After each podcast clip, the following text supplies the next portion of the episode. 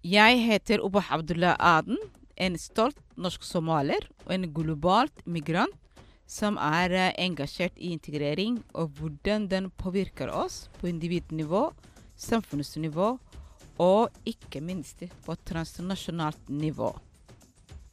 Denne podkasten, Integreringsstemmen, er en podkast om integrering og innvandring i Norge, hvor jeg tar opp temaer som hva betyr det å være integrert? Hva koster det å være integrert? Og hvem i all verden definerer egentlig at du er ferdig integrert? Jeg tar opp relevant problemstillinger knyttet til det å være en minoritet i en majoritet. I denne første delen av podkasten møter jeg kvinner fra ulike nasjonaliteter som alle har til felles at de er innvandrerkvinner som har blitt en del av det norske samfunnet. De representerer ulike kulturer, land og verdensdeler, og har alle sin personlige integreringshistorie. Vi snakker om utfordringer knyttet til likestilling, og betydningen likestilling har for den enkelte. Velkommen til uh, integreringspodkasten. I dag har vi Zaina Mushtaq som gjest. Hun er født i Norge, men opprinnelig fra Pakistan. Velkommen. Tusen takk, Oba. Dette er en podkast vi prøver å ta opp det ukjente om minoritetskvinner. Eh, som vi prøver å formidle til majoriteten. Og det er både en ære og herlighet å ha deg her på studiet. Takk. Takk for at jeg får komme. Kan du si litt om hva er din bakgrunn? Eh, jo, som du var inne på, jeg, jeg har jeg foreldre som kom tidlig i 60-70-tallet i Norge fra Pakistan som arbeidsimmigranter. Og jeg ble da født her i Norge og oppvokst her. Og har studert eh, master i pedagogikk og gått på Universitetet i Oslo. og jobber per i dag hos uh, Integrering- og mangfoldsdirektoratet som minoritetsrådgiver. Hva gjør minoritetsrådgiver? Hva er de det? Uh, minoritetsrådgiver driver med kompetanseheving av uh, det eksterne apparatet. Og hjelper minoriteter med å finne sin plass i majoritetssamfunnet. Og styrke deres identitet. Mm. Du og jeg, vi jobbet jo dette feltet. Eh, Minoritetsrådgiverordningen. Mm. Ja. Den handlingsplanen som kom um, til verden i 2028. Hvor fortsatt finnes, og styrken eller ordningen er blitt styrka. Ja. Eh, vi begynte jo rundt 25 Under 30 eh, minoritetsrådgivere. Ja. Eh, inkludert med integreringsrådgivere. Mm. Og i dag er dere Hvor mange er dere? I dag er vi totalt 59 minoritetsrådgivere eh, dekt wow. eh, i hele Norge. Og dekker alle fylker. Så herlig. Mm ja. Spennende. Men kjære Zainab, du er jo født i Norge. Du har foreldre fra Pakistan. Mm på en måte så du tilhører to ulike kontinenter. Med tanke på kvinnebevegelser, likestilling, kvinneperspektiv, alt det der som du og jeg er veldig engasjert i. Mm. Så det jeg har veldig lyst å vite og lære om, og alle de andre mennesker der ute som må lære om, er hva tror du er likhetene mellom den likestillingen, den kvinnebevegelsen din mor har vokst opp og den du vokser opp i nå, likhetene, ulikhetene som du kunne trekke frem. Mm. Hva er det du kan nevne litt om det? Ja. Um, det er jo to uh, ulike samfunn. Mm. Uh, du har den asiatiske, og så har du den vestlige, uh, det vestlige samfunnet som jeg er født og oppvokst i. Um, parallellene der er vel at min mor er også utdannet uh, fra Pakistan og er utdannet lærer. Ja. Uh, så og du valgte å bli lærer, studere lærer, altså? Jeg studerte også pedagogikk. det lå litt i kortene, kanskje. Mm. Eh, men eh, de kom jo Min far og mor ankom som eh, arbeidsimmigranter, og i håp om å kunne tjene ekstra penger Mm. eh, og få et bedre liv, og så reise tilbake igjen til eh, Pakistan. Mm. Eh, jeg vet ikke om de hadde helt planlagt å se for seg et liv med barn her, og at de skulle bli gamle her. Mm. Men de har da vært i arbeidslinja hele livet. Mm. Og det som kan være forskjellen, er at min mor arbeidet da hun kom til Norge. Mm. Både i fabrikk da de kom, var nylig, eh, nylig ankom til Norge, og jobbet da som lærer også til slutt. Og så fikk de barn, Mm. fire stykker, Mm. og da gikk det mer ut på Det er en kulturell forståelse i Pakistan om at kvinner kan ta en akademisk utdanning, men det er mannen som har hovedomsorgsansvaret. Mm. Så han på en måte må bistå med inntekt, Mm. mens kvinnen kan velge om hun har lyst til å bidra inn. Uh, og jeg tenker jo at min mor gjorde da begge deler. Mm. Og hadde da muligheten og økonomisk frihet til å kunne være hjemme med fire barn Mm. uh, i, da vi vokste opp, da. Mm. Og den gangen sikkert livet var litt billigere enn det det er i dag. Det var nok litt rimeligere. Eh, far eh, tok en utdanning i Norge og eh, var økonomisk godt rustet, rett og slett. Mm. Men hadde økonomiske omstendighetene vært annerledes, så kan det hende hun hadde også jobbet. Men det er litt hvordan samfunnet utfordrer deg lite grann, og hvilke muligheter du har. Mm. Men hun hadde muligheter. Mm. Og å være delaktig i samfunnet, og det, det valgte hun å gjøre. Men når hun da hadde fire barn, så syntes hun at hun hadde nok å styre med det også. Mm.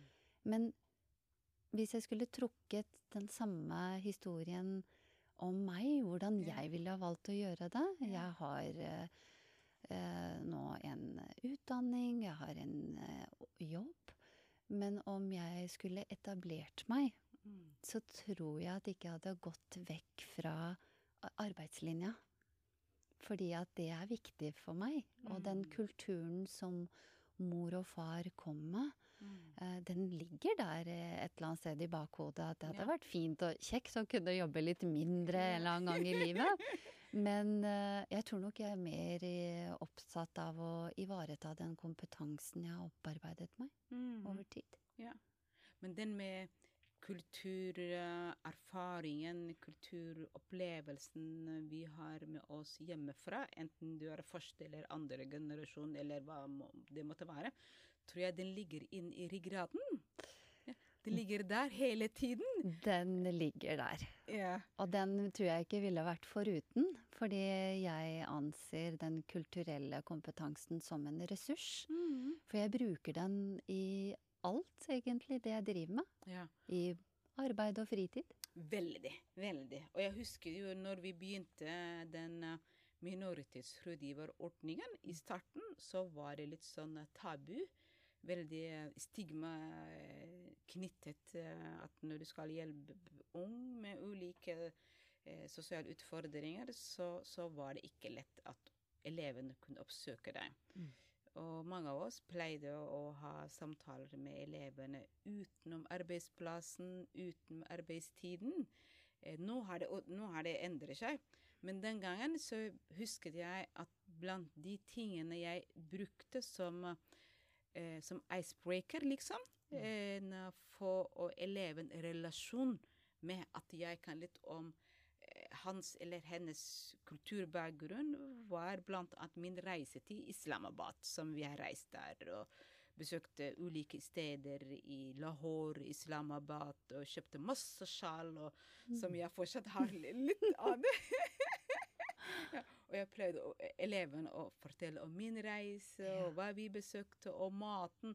Plutselig så danner de litt sånn tillit og relasjon med deg, og de ser at oh, du er ikke fremmed, du kan litt om deres kultur. Ja.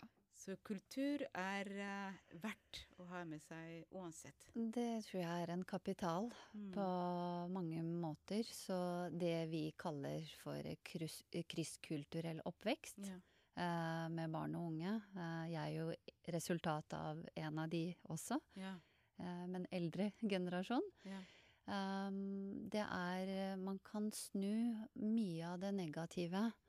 Eh, altså hvordan lever man eh, i balansegang mellom to ulike kulturer, Mm. men likevel ta med seg ressurser?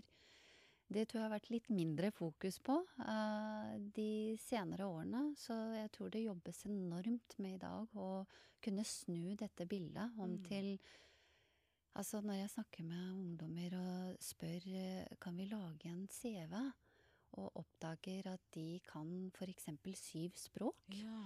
men de anser ikke det som en ressurs, for de vet ikke hvordan de skal bruke det. Mm. Mens Mm. jeg kan da sitte med dem og si er du klar over hvor mye du kan bruke dette til? Ja. Syv språk! Ja. Hallo! ja, ikke sant? Det er jo helt fantastisk. Den kulturkompetansen, anerkjennelsen av det, det må jo først og fremst begynne hjemmefra, antar jeg.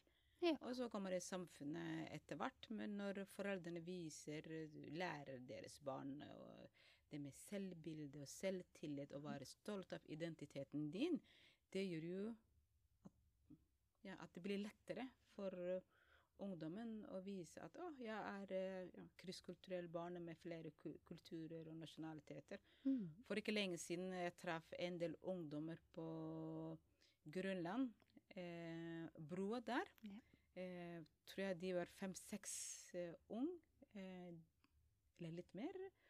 Og de fleste er født i Norge, men så reiste de utlandet og forskjellige steder, og så kom de tilbake. Mm. Eh, og de faller mellom flere systemer. Ja.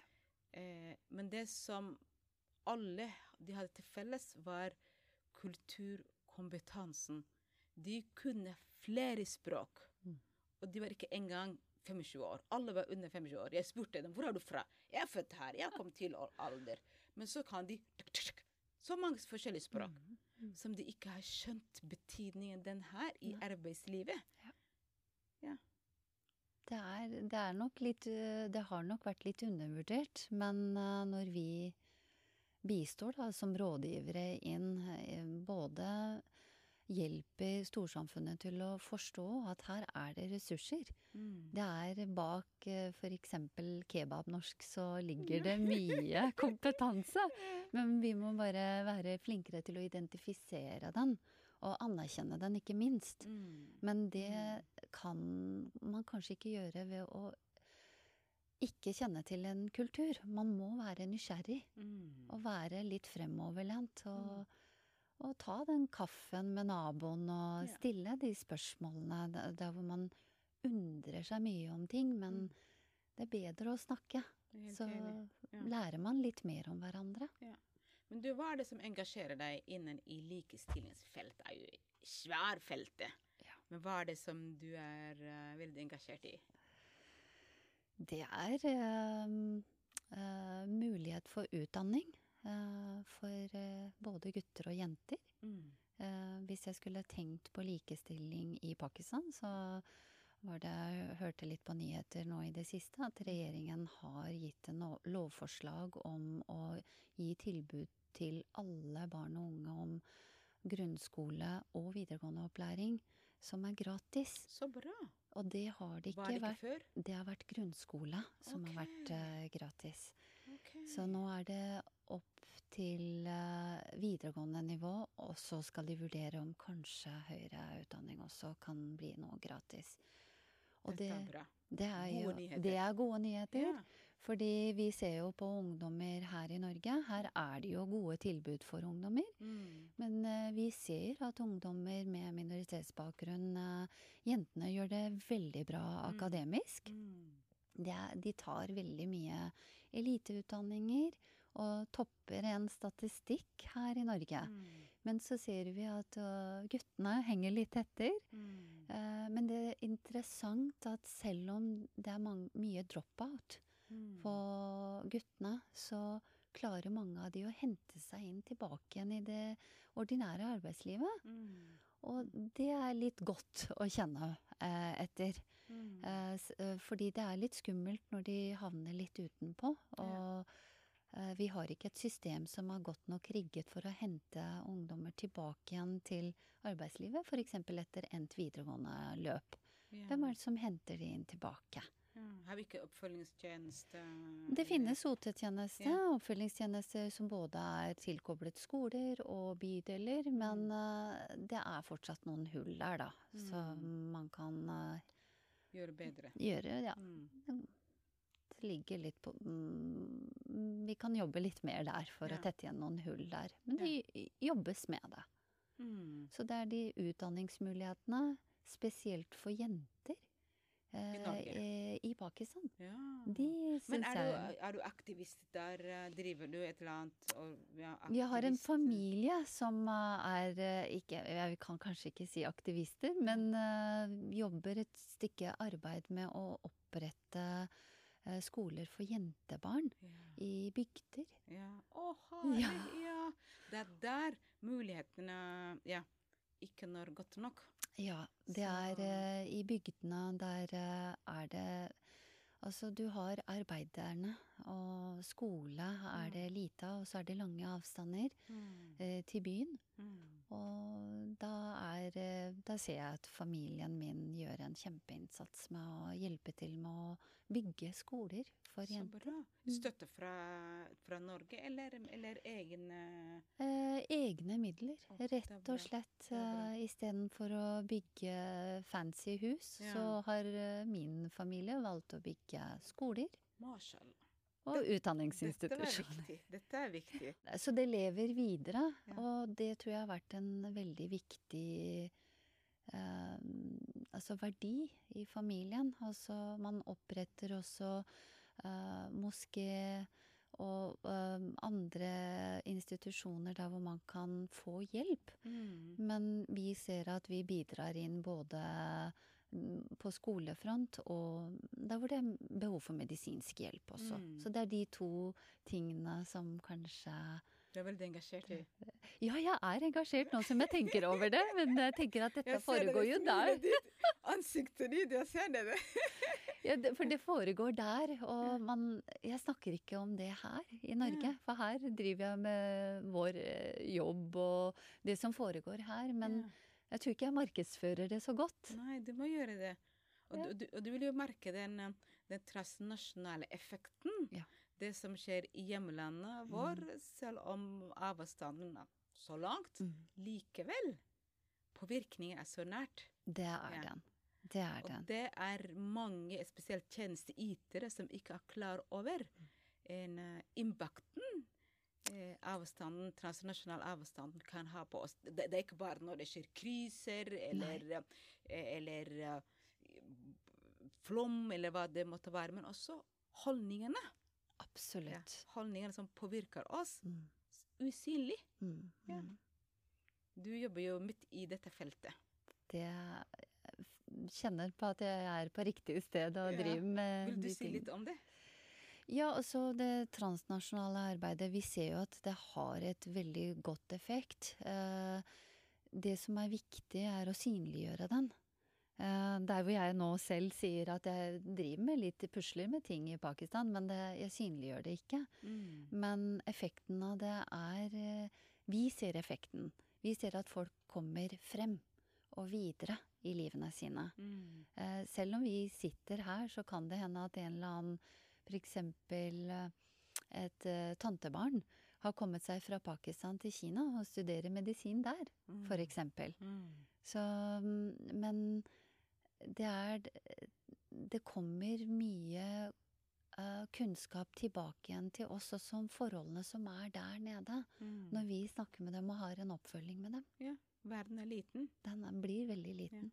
og avhengig av hverandre. Mm. Ja. Men um, ut fra det du er engasjert i likestillingen, som er innen utdanningsfeltet Ja. i hjemlandet eh, Men her i Norge, er det noe som du er mer engasjert i enn andre ting? Ja, jeg eh, Altså, likestilling her i Vesten uh, Jeg er opptatt av å uh, videreformidle det at uh, den likestillingskonseptet i Pakistan er vel litt annerledes. Fordi hvis du hører med kvinner som i min mors generasjon, de føler seg ofte likestilte. Mm. Um, og som kommer fra familier med gode kår, uh, som en forutsetning, uh, klart. Mm. Uh, de føler at de har hatt mange gode muligheter, men så har du i bygdesamfunnene, der hvor kvinnene de er ute og jobber. Mm. Altså, jeg snakket senest med min mor i dag, og vi var inne på det med at det er så mange kvinner som arbeider i Pakistan, som eh, aldri blir dekt i media engang. Mm. Altså alt fra designere, skreddere Helsevesenet er fullt med kvinnelige arbeidere. Mm. Hun var med i høyere posisjoner. La- Fordi det jeg ser for eksempel i, i, ja, ja, fra Somalia, Mhm. så er det mer akseptert Mm. at hun uh, driver disse tungt arbeid, arbeid eh, j- jobbene. Mhm. Eh, sitte ute i markedet, Mm. selge mat, Mhm. eh, være designer, jobbe innen helse. Alle disse jobbene. Ja, gjør det, det. Du er kvinne, det passer deg fint. Mm -hmm. Men når hun tar utdannelse og konkurrerer eh, de andre stillingene som kreves å sitte på kontor, da var det sånn Nei, nei, nei, du skal ikke jobbe der. Det er Mm. det. Du er kvinne, og du skal ikke gjøre det. Ja. Er det sånn tendens som foregår? eh? Jeg vil nok tro nå Nå er det jo sånn at den Jeg har jo reist i Pakistan annethvert hvert tredje år i hele mitt liv. Mm. Og få, vært heldig og fått sett på den utviklingen eh, de siste 30 årene, nesten 40 egentlig. Mm. Og sett at kvinnene tar uten tvil mer utdanning enn før. Eh, nesten likt som i Norge. Mm. Eh, men at de ikke praktiserer Mm. yrkene sine, Mm. det ser man ut ifra geografien. Mm. Ofte. Mm. Altså hvis en kvinne kommer fra en velstående familie og Mm. er utdannet f.eks. journalist, Mm. så kan hende at uh, den kulturen om at mannen skal uh, tjene pengene og komme hjem med det, at den kulturen er så uh, sterk at kvinnen kan da velge. Har jeg lyst til å jobbe som journalist? Men mulighetene er nok der. Men når, når det er færre kvinner i et arbeidsmarked i, de- i disse yrkene, da, som vi er inne på, journalistyrket Du har eh, Det er mange medisinere der også. Men det er en del som velger å være husmødre. Mm. Selv om de har høy utdanning. Mm. Og jeg tror ikke nødvendigvis det er sånn at de må ha de tyngste yrkene sine. Mm. Det, det tror jeg nok ikke er eh, en realitet eh, lenger. Kanskje det var sånn for 40 år tilbake, Mm. men nå har det blitt litt bedre. Mm. Utviklingen er der, og man ser at det går i riktig retning. Mm. Men det er klart at kommer det flere kvinner inn på banen i yrkeslivet, Mm. så vil det prege hvordan kvinnene er i, i arbeid, og Mm. står i arbeid, Mm. og kan kreve også sine rettigheter. Mm. Ja. Men hvordan er det situasjonen i Norge, hvis vi snur eh, ja, tankene Oh. våre til hit? ja. Hva er det du ser eh, utfordringen er, og ja. Ja, Og hva er det vi kan eh, jobbe på individ og på ja. Jeg tror uh, vår eh, vestlige verden, og i Norge, så er man mer opptatt av den likestillingen, like muligheter. Mm. Og at man ser på dette her i litt mer kampsyn, om at det skal være rettferdig. Um, jeg mener da fortsatt at eh, kvinnene har eh, De ligger etter f.eks. i IT-bransjen. Så er det ikke like mange kvinner. Dette er fortsatt yrker som er mannsdominerende Mm. yrker. Mm. Eh, kvinnene har ikke fått kommet dit. eh, lønn.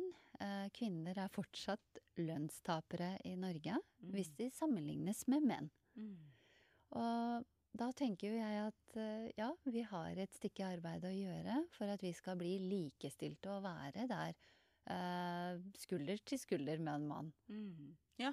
Det, det, ja. dette er med permisjoner, det at en kvinne kommer tilbake etter arbeid, eh, Mm. etter en fødselspermisjon f.eks. At kvinner kommer litt bakpå igjen. At Mm. arbeidsgivere ikke alltid er så fleksible med å hente tilbake denne personen som skal tilbake i arbeid etter en permisjon, f.eks. Man ser det ofte. Ehm, det var veldig tydelig for meg da jeg jobbet Mm. eh, en del år i Nav-systemet, hvordan eh, kvinner slet med å komme tilbake etter eh, permisjoner. Ja. Mm. Så dette, dette gjør jo noe med mitt syn også. Er det, er det like mye Er det likestilt? Er vi likestilt? Er vi likestilte? Ja. Ja. Men jeg har en tvil i min stemme her, hører jeg. ja. Men, men um, de utfordringene du tar opp med tanke på en lik lønn for like arbeid, det, mm. det, det har vi utfordringer. Og nesten alle arbeidsorganisasjoner de har jo tatt opp, og det har vært eh, kamper for å få det likt. Ja. Eh, det er jo en del områder vi ikke er ikke så gode ennå. Mm. Eh, men det gjøres, og bevisheten finnes der. Mhm. For eksempel noen yrker er en, eh, nesten kvinnene er fraværende. Ja, Mens andre yrker er det motsatte. Det er bare andre kjønn som er overrepresentert. Så, så det trenges balanse i, eh, i, alle, i, i alle yrker og i alle samfunnsinnslag. Og for ikke lenge siden så har Mhm. kulturministeren oppnevnt en eh, eh, mannes, eh, mannes utvalg. ja, det stemmer. Ja. Eh, fordi det har jo vært veldig mye fokus for kvinner, og, Mm. og menn mente at de blitt neglisjert, og de må ha deres syn bli hørt, og det blir opprettet et utvalg som skal jeg vet ikke, kanskje de skal legge frem mennenes perspektiv, og Mm. hva er det vi må gjøre det bedre, og være de som menn møter utfordringer i samfunnet. Så, så det jeg ser for meg, er at eh, ja, ingen er perfekt. Nei. Utfordringer finnes der. Mm. Og politikerne er bevisst på det, og de Ja. prøver å finne løsninger på det. Det er jo, du er jo inne på dette her f.eks. kvotesystem da, Mm. på noen yrker. At nå er det f.eks. på noen studier, ikke minst. Det var veldig interessant eh, da jeg studerte. Så var det veldig få menn i pedagogiske yrker. Og da var det sånn at mennene fikk eh, et lite tilleggspoeng for å søke på de utdanningene. Og det er en veldig fin ting. Det Mm. viser litt at man følger litt med på at uh, her er det behov, og her må man jobbe litt med å likestille. Ja. Ja. Og, og balansere både kvinner og menn i ulike miljøer. Ja, veldig enig. Men når, når, du, når du nevnte likestillingsutfordringene, Mm. hvis du bruker med minoritets- eller innvandrerbriller, hva er det du ser? Er vi, eh, er, eh, har kvinner med minoritetsbakgrunn enda mer utfordringer? Tenker du på Eh. her i Norge? Ja, vi er i Norge. Ja. Um, jeg vil si at kvinnene har gjort et godt stykke arbeid nå med minoritetsbakgrunn. Uh, flere og flere kommer frem. Ehm, de gjør seg synlige. De kompetansehever seg og kommer seg i andre yrker enn det de selv kunne ha tenkt. Altså, du har bydelsmødre. Altså, det finnes mange tiltak som gjør at kvinner som aldri har kommet ut i det ordinære arbeidslivet, treffer eh, et eh, levende liv der ute. Og det tror jeg er en eh, fremdrift. En progresjon som ikke er så tydelig, men synlig Mm. Uh, umiddelbart. Men den er der. Du, vi, vi, må, vi må ta alvorprat. Du jobber jo et felt som jeg er veldig engasjert i, Ja. og det er negativ sosial kontroll. Mhm. Jeg tror og mener at håper at jeg ikke tar feil, men hvis jeg tar det feil, så tar jeg dette ansvaret sjøl. Men jeg tror at det begrepet negativ sosial kontroll kanskje var kjent eller ukjent, men under minoritetsrådgiverordningen Mm. at den blir synliggjort. Eh, vi hadde fokuset å forebygge eh, tvangsekteskap og kjønnslemlestelse, men det vi tok for gitt, var at hendelsen tvangsekteskap, vold mot nære relasjoner, er det siste hendelsen som skjer. Mm. Men før det så, så skjer det mange andre utfordringer, blant annet negativ sosial kontroll. Mm. Ja. Og for ikke lenge siden så hadde vi eh, eh, en nyhet om bok som mediene kalte om bok, hva heter bokbombe. Mm. Er ikke det bom, bokbombe, er ikke det de sa? Ja. ja. Eh, om uh, søstre til Abid Raja, Mm. om hennes opplevelse. Mm. Eh, hvor eh, mange, særlig eh, majoritetskulturen kanskje, eller de som driver mediene, oppfatter dette som wow, liksom. Svær historie. Men vi som jobber på dette feltet, er det vi jobber, møter til vanlig. Nesten hver bidige dag. Ja. For meg holder det bare å gå til Grønland og snakke med eh, butikken og treffe folka der. Ja.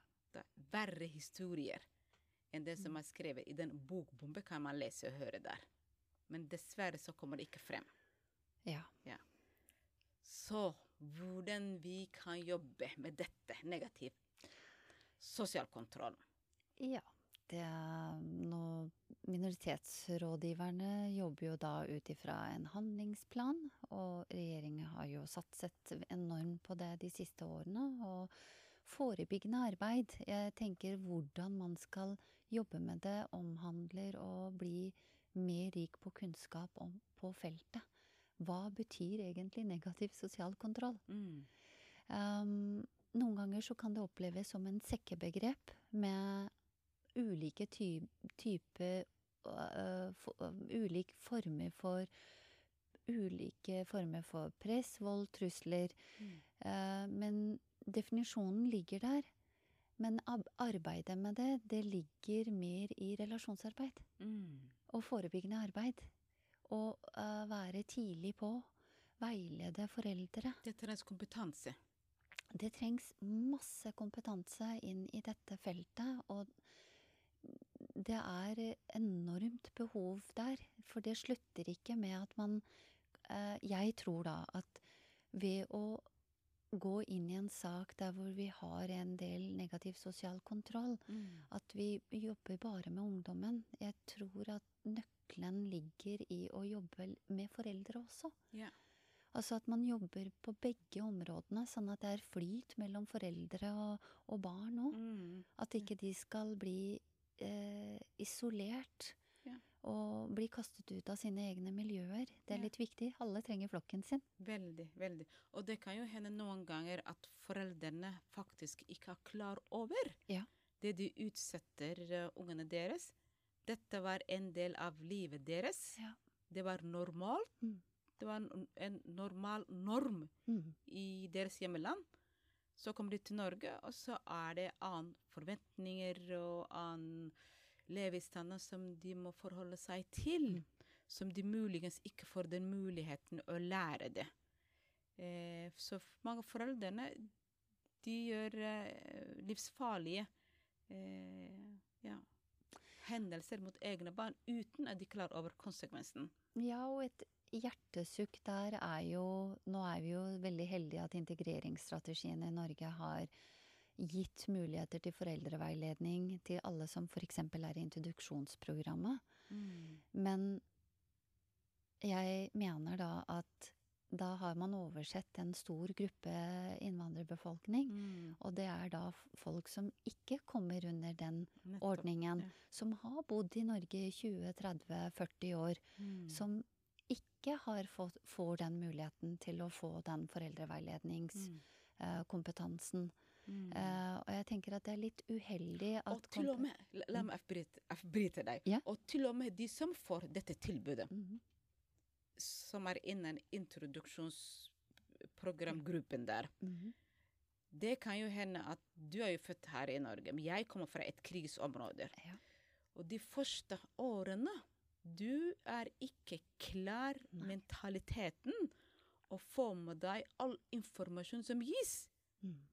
Og det er jo akkurat denne, denne fasen vi bare pøser ut Masse så informasjon. mange informasjon hvor foreldrene eller den enkelte ikke er klar over å fordøye. Ja.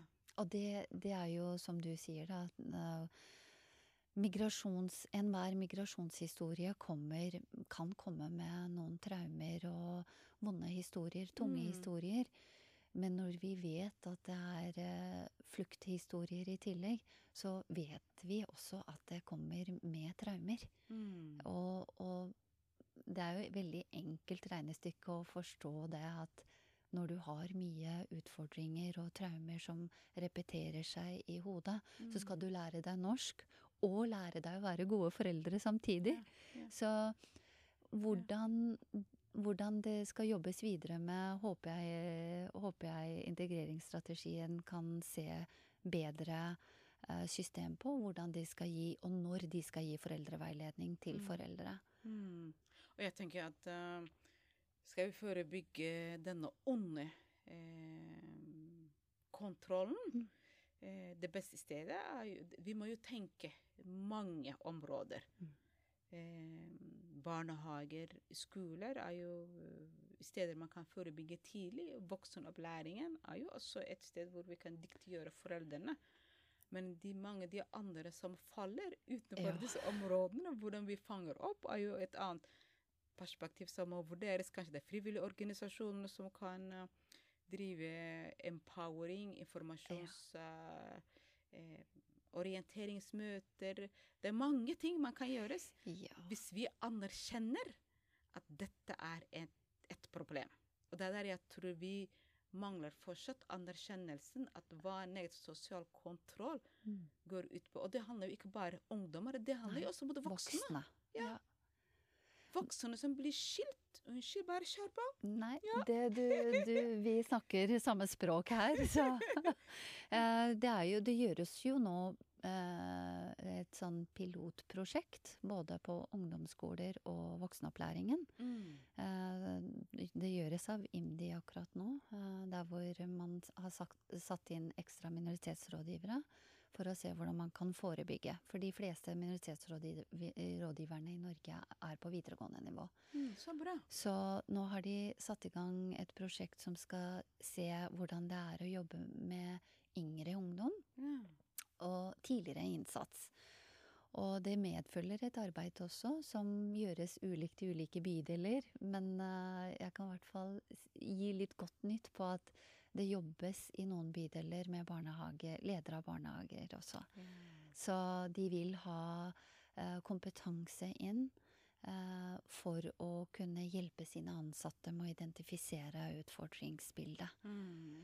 Men eh, det er litt eh, undervurdert, det med at hvis du har en lengre botid i Norge, Mm. og muligheten for å få foreldreveiledning, jeg syns ikke at den skal generere bare fra barnevernstjenesten. At den kan, som du sier, kan komme fra uh, ulike miljøer, der hvor det er Mm. lett å få tilbud om det. Mm. At ikke man må strebe etter med å få foreldreveiledning. Jeg tenker at alle har godt, alle foreldre og omsorgspersoner har godt av å få foreldreveiledning. Ja, hvem, hvem kan si nei til eh, dette her? Nei, det er jo bare pluss. Jeg er jo forelder, og en ting jeg er veldig nysgjerrig på, er å vite hvordan folk har uh, oppdrar ungene sine. Ja. Selv om mine barn er blitt ja, 15-åring, jeg er den minste mann. Så fortsatt er jeg nysgjerrig på hvordan folk oppdrar ungene sine. Det er jo et ansvar man blir aldri ferdig med det. Nei, også hvis du ser eh, denne ICDP, for eksempel. Det er en uh, foreldreveilednings... Den har vi eh, tatt, ikke sant? Vi har jo tatt den, og så tenker vi jo Vi kan jo det nå. Så da er vi godt rustet. Men eh, jeg syns det er litt artig å tenke tilbake på at min far ofte sier til meg Zaina, vi alle er ikke pedagoger. Så foreldreoppdragelse eh, oppdragelse, Barneoppdragelse, mener jeg, Mm. den, den er veldig ulik. Og når du eh, kommer i møte med et annet samfunn, så Mm. vil denne barneoppdragelsen være annerledes. Yeah. Og noen må jo fortelle at den er annerledes yeah. eh, i et annet land. Yeah. Og du hadde en smart far. Ja, Ja. han har jo pekt på noe viktig, mens jeg tenker fortsatt i dag ja ja, alle burde kunne litt pedagogikk. Mm. Men disse kursene er jo fine, for de er enkle og forståelige. Mm. Og jeg syns at alle burde kunne benytte seg av et sånt tilbud. Mm. Jeg tror den er en del av introduksjonsprogrammet, tror jeg. Ja, det Er er det? ulike foreldreveilednings... Uh, eh, altså plattformer. Så de bruker ISDP som én av dem. Ah, ja. Så det er flere foreldreveiledningsmoduler, tror jeg. Mm. Mm. Men det er bra. Ja, I hvert fall noe er på gang. det er det. Ja. Så vi får håpe at ja, livet blir enklere for de fleste. Ja, det er for foreldre. Det, nå har de satt i gang også et arbeid eh, med, som heter Flexid. Fleksibel identitet. Mm. Som er retta mer mot ungdommer. Oh, ja. Minoritetsungdommer. Det, er det metode Det er en metode til å styrke unges identitet. Ja.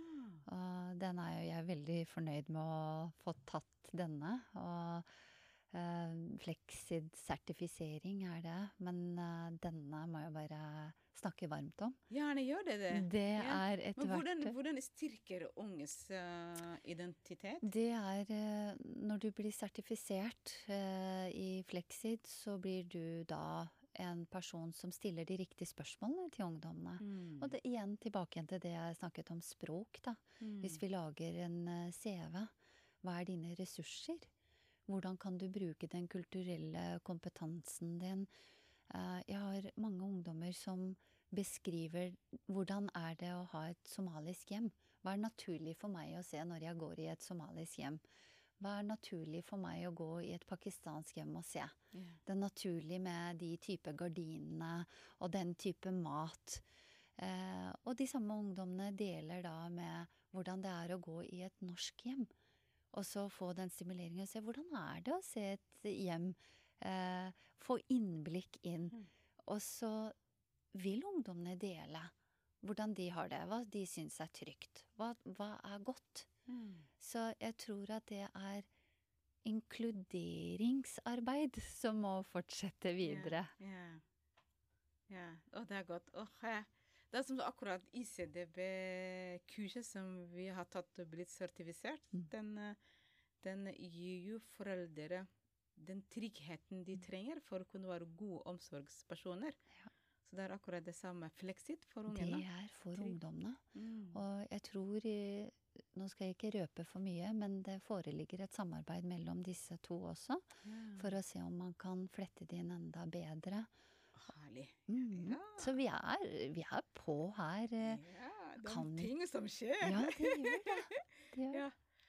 Men Zainab, hva gjør du i din fremtid? Ikke i din fremtid, i din fritid. Hva gjør du?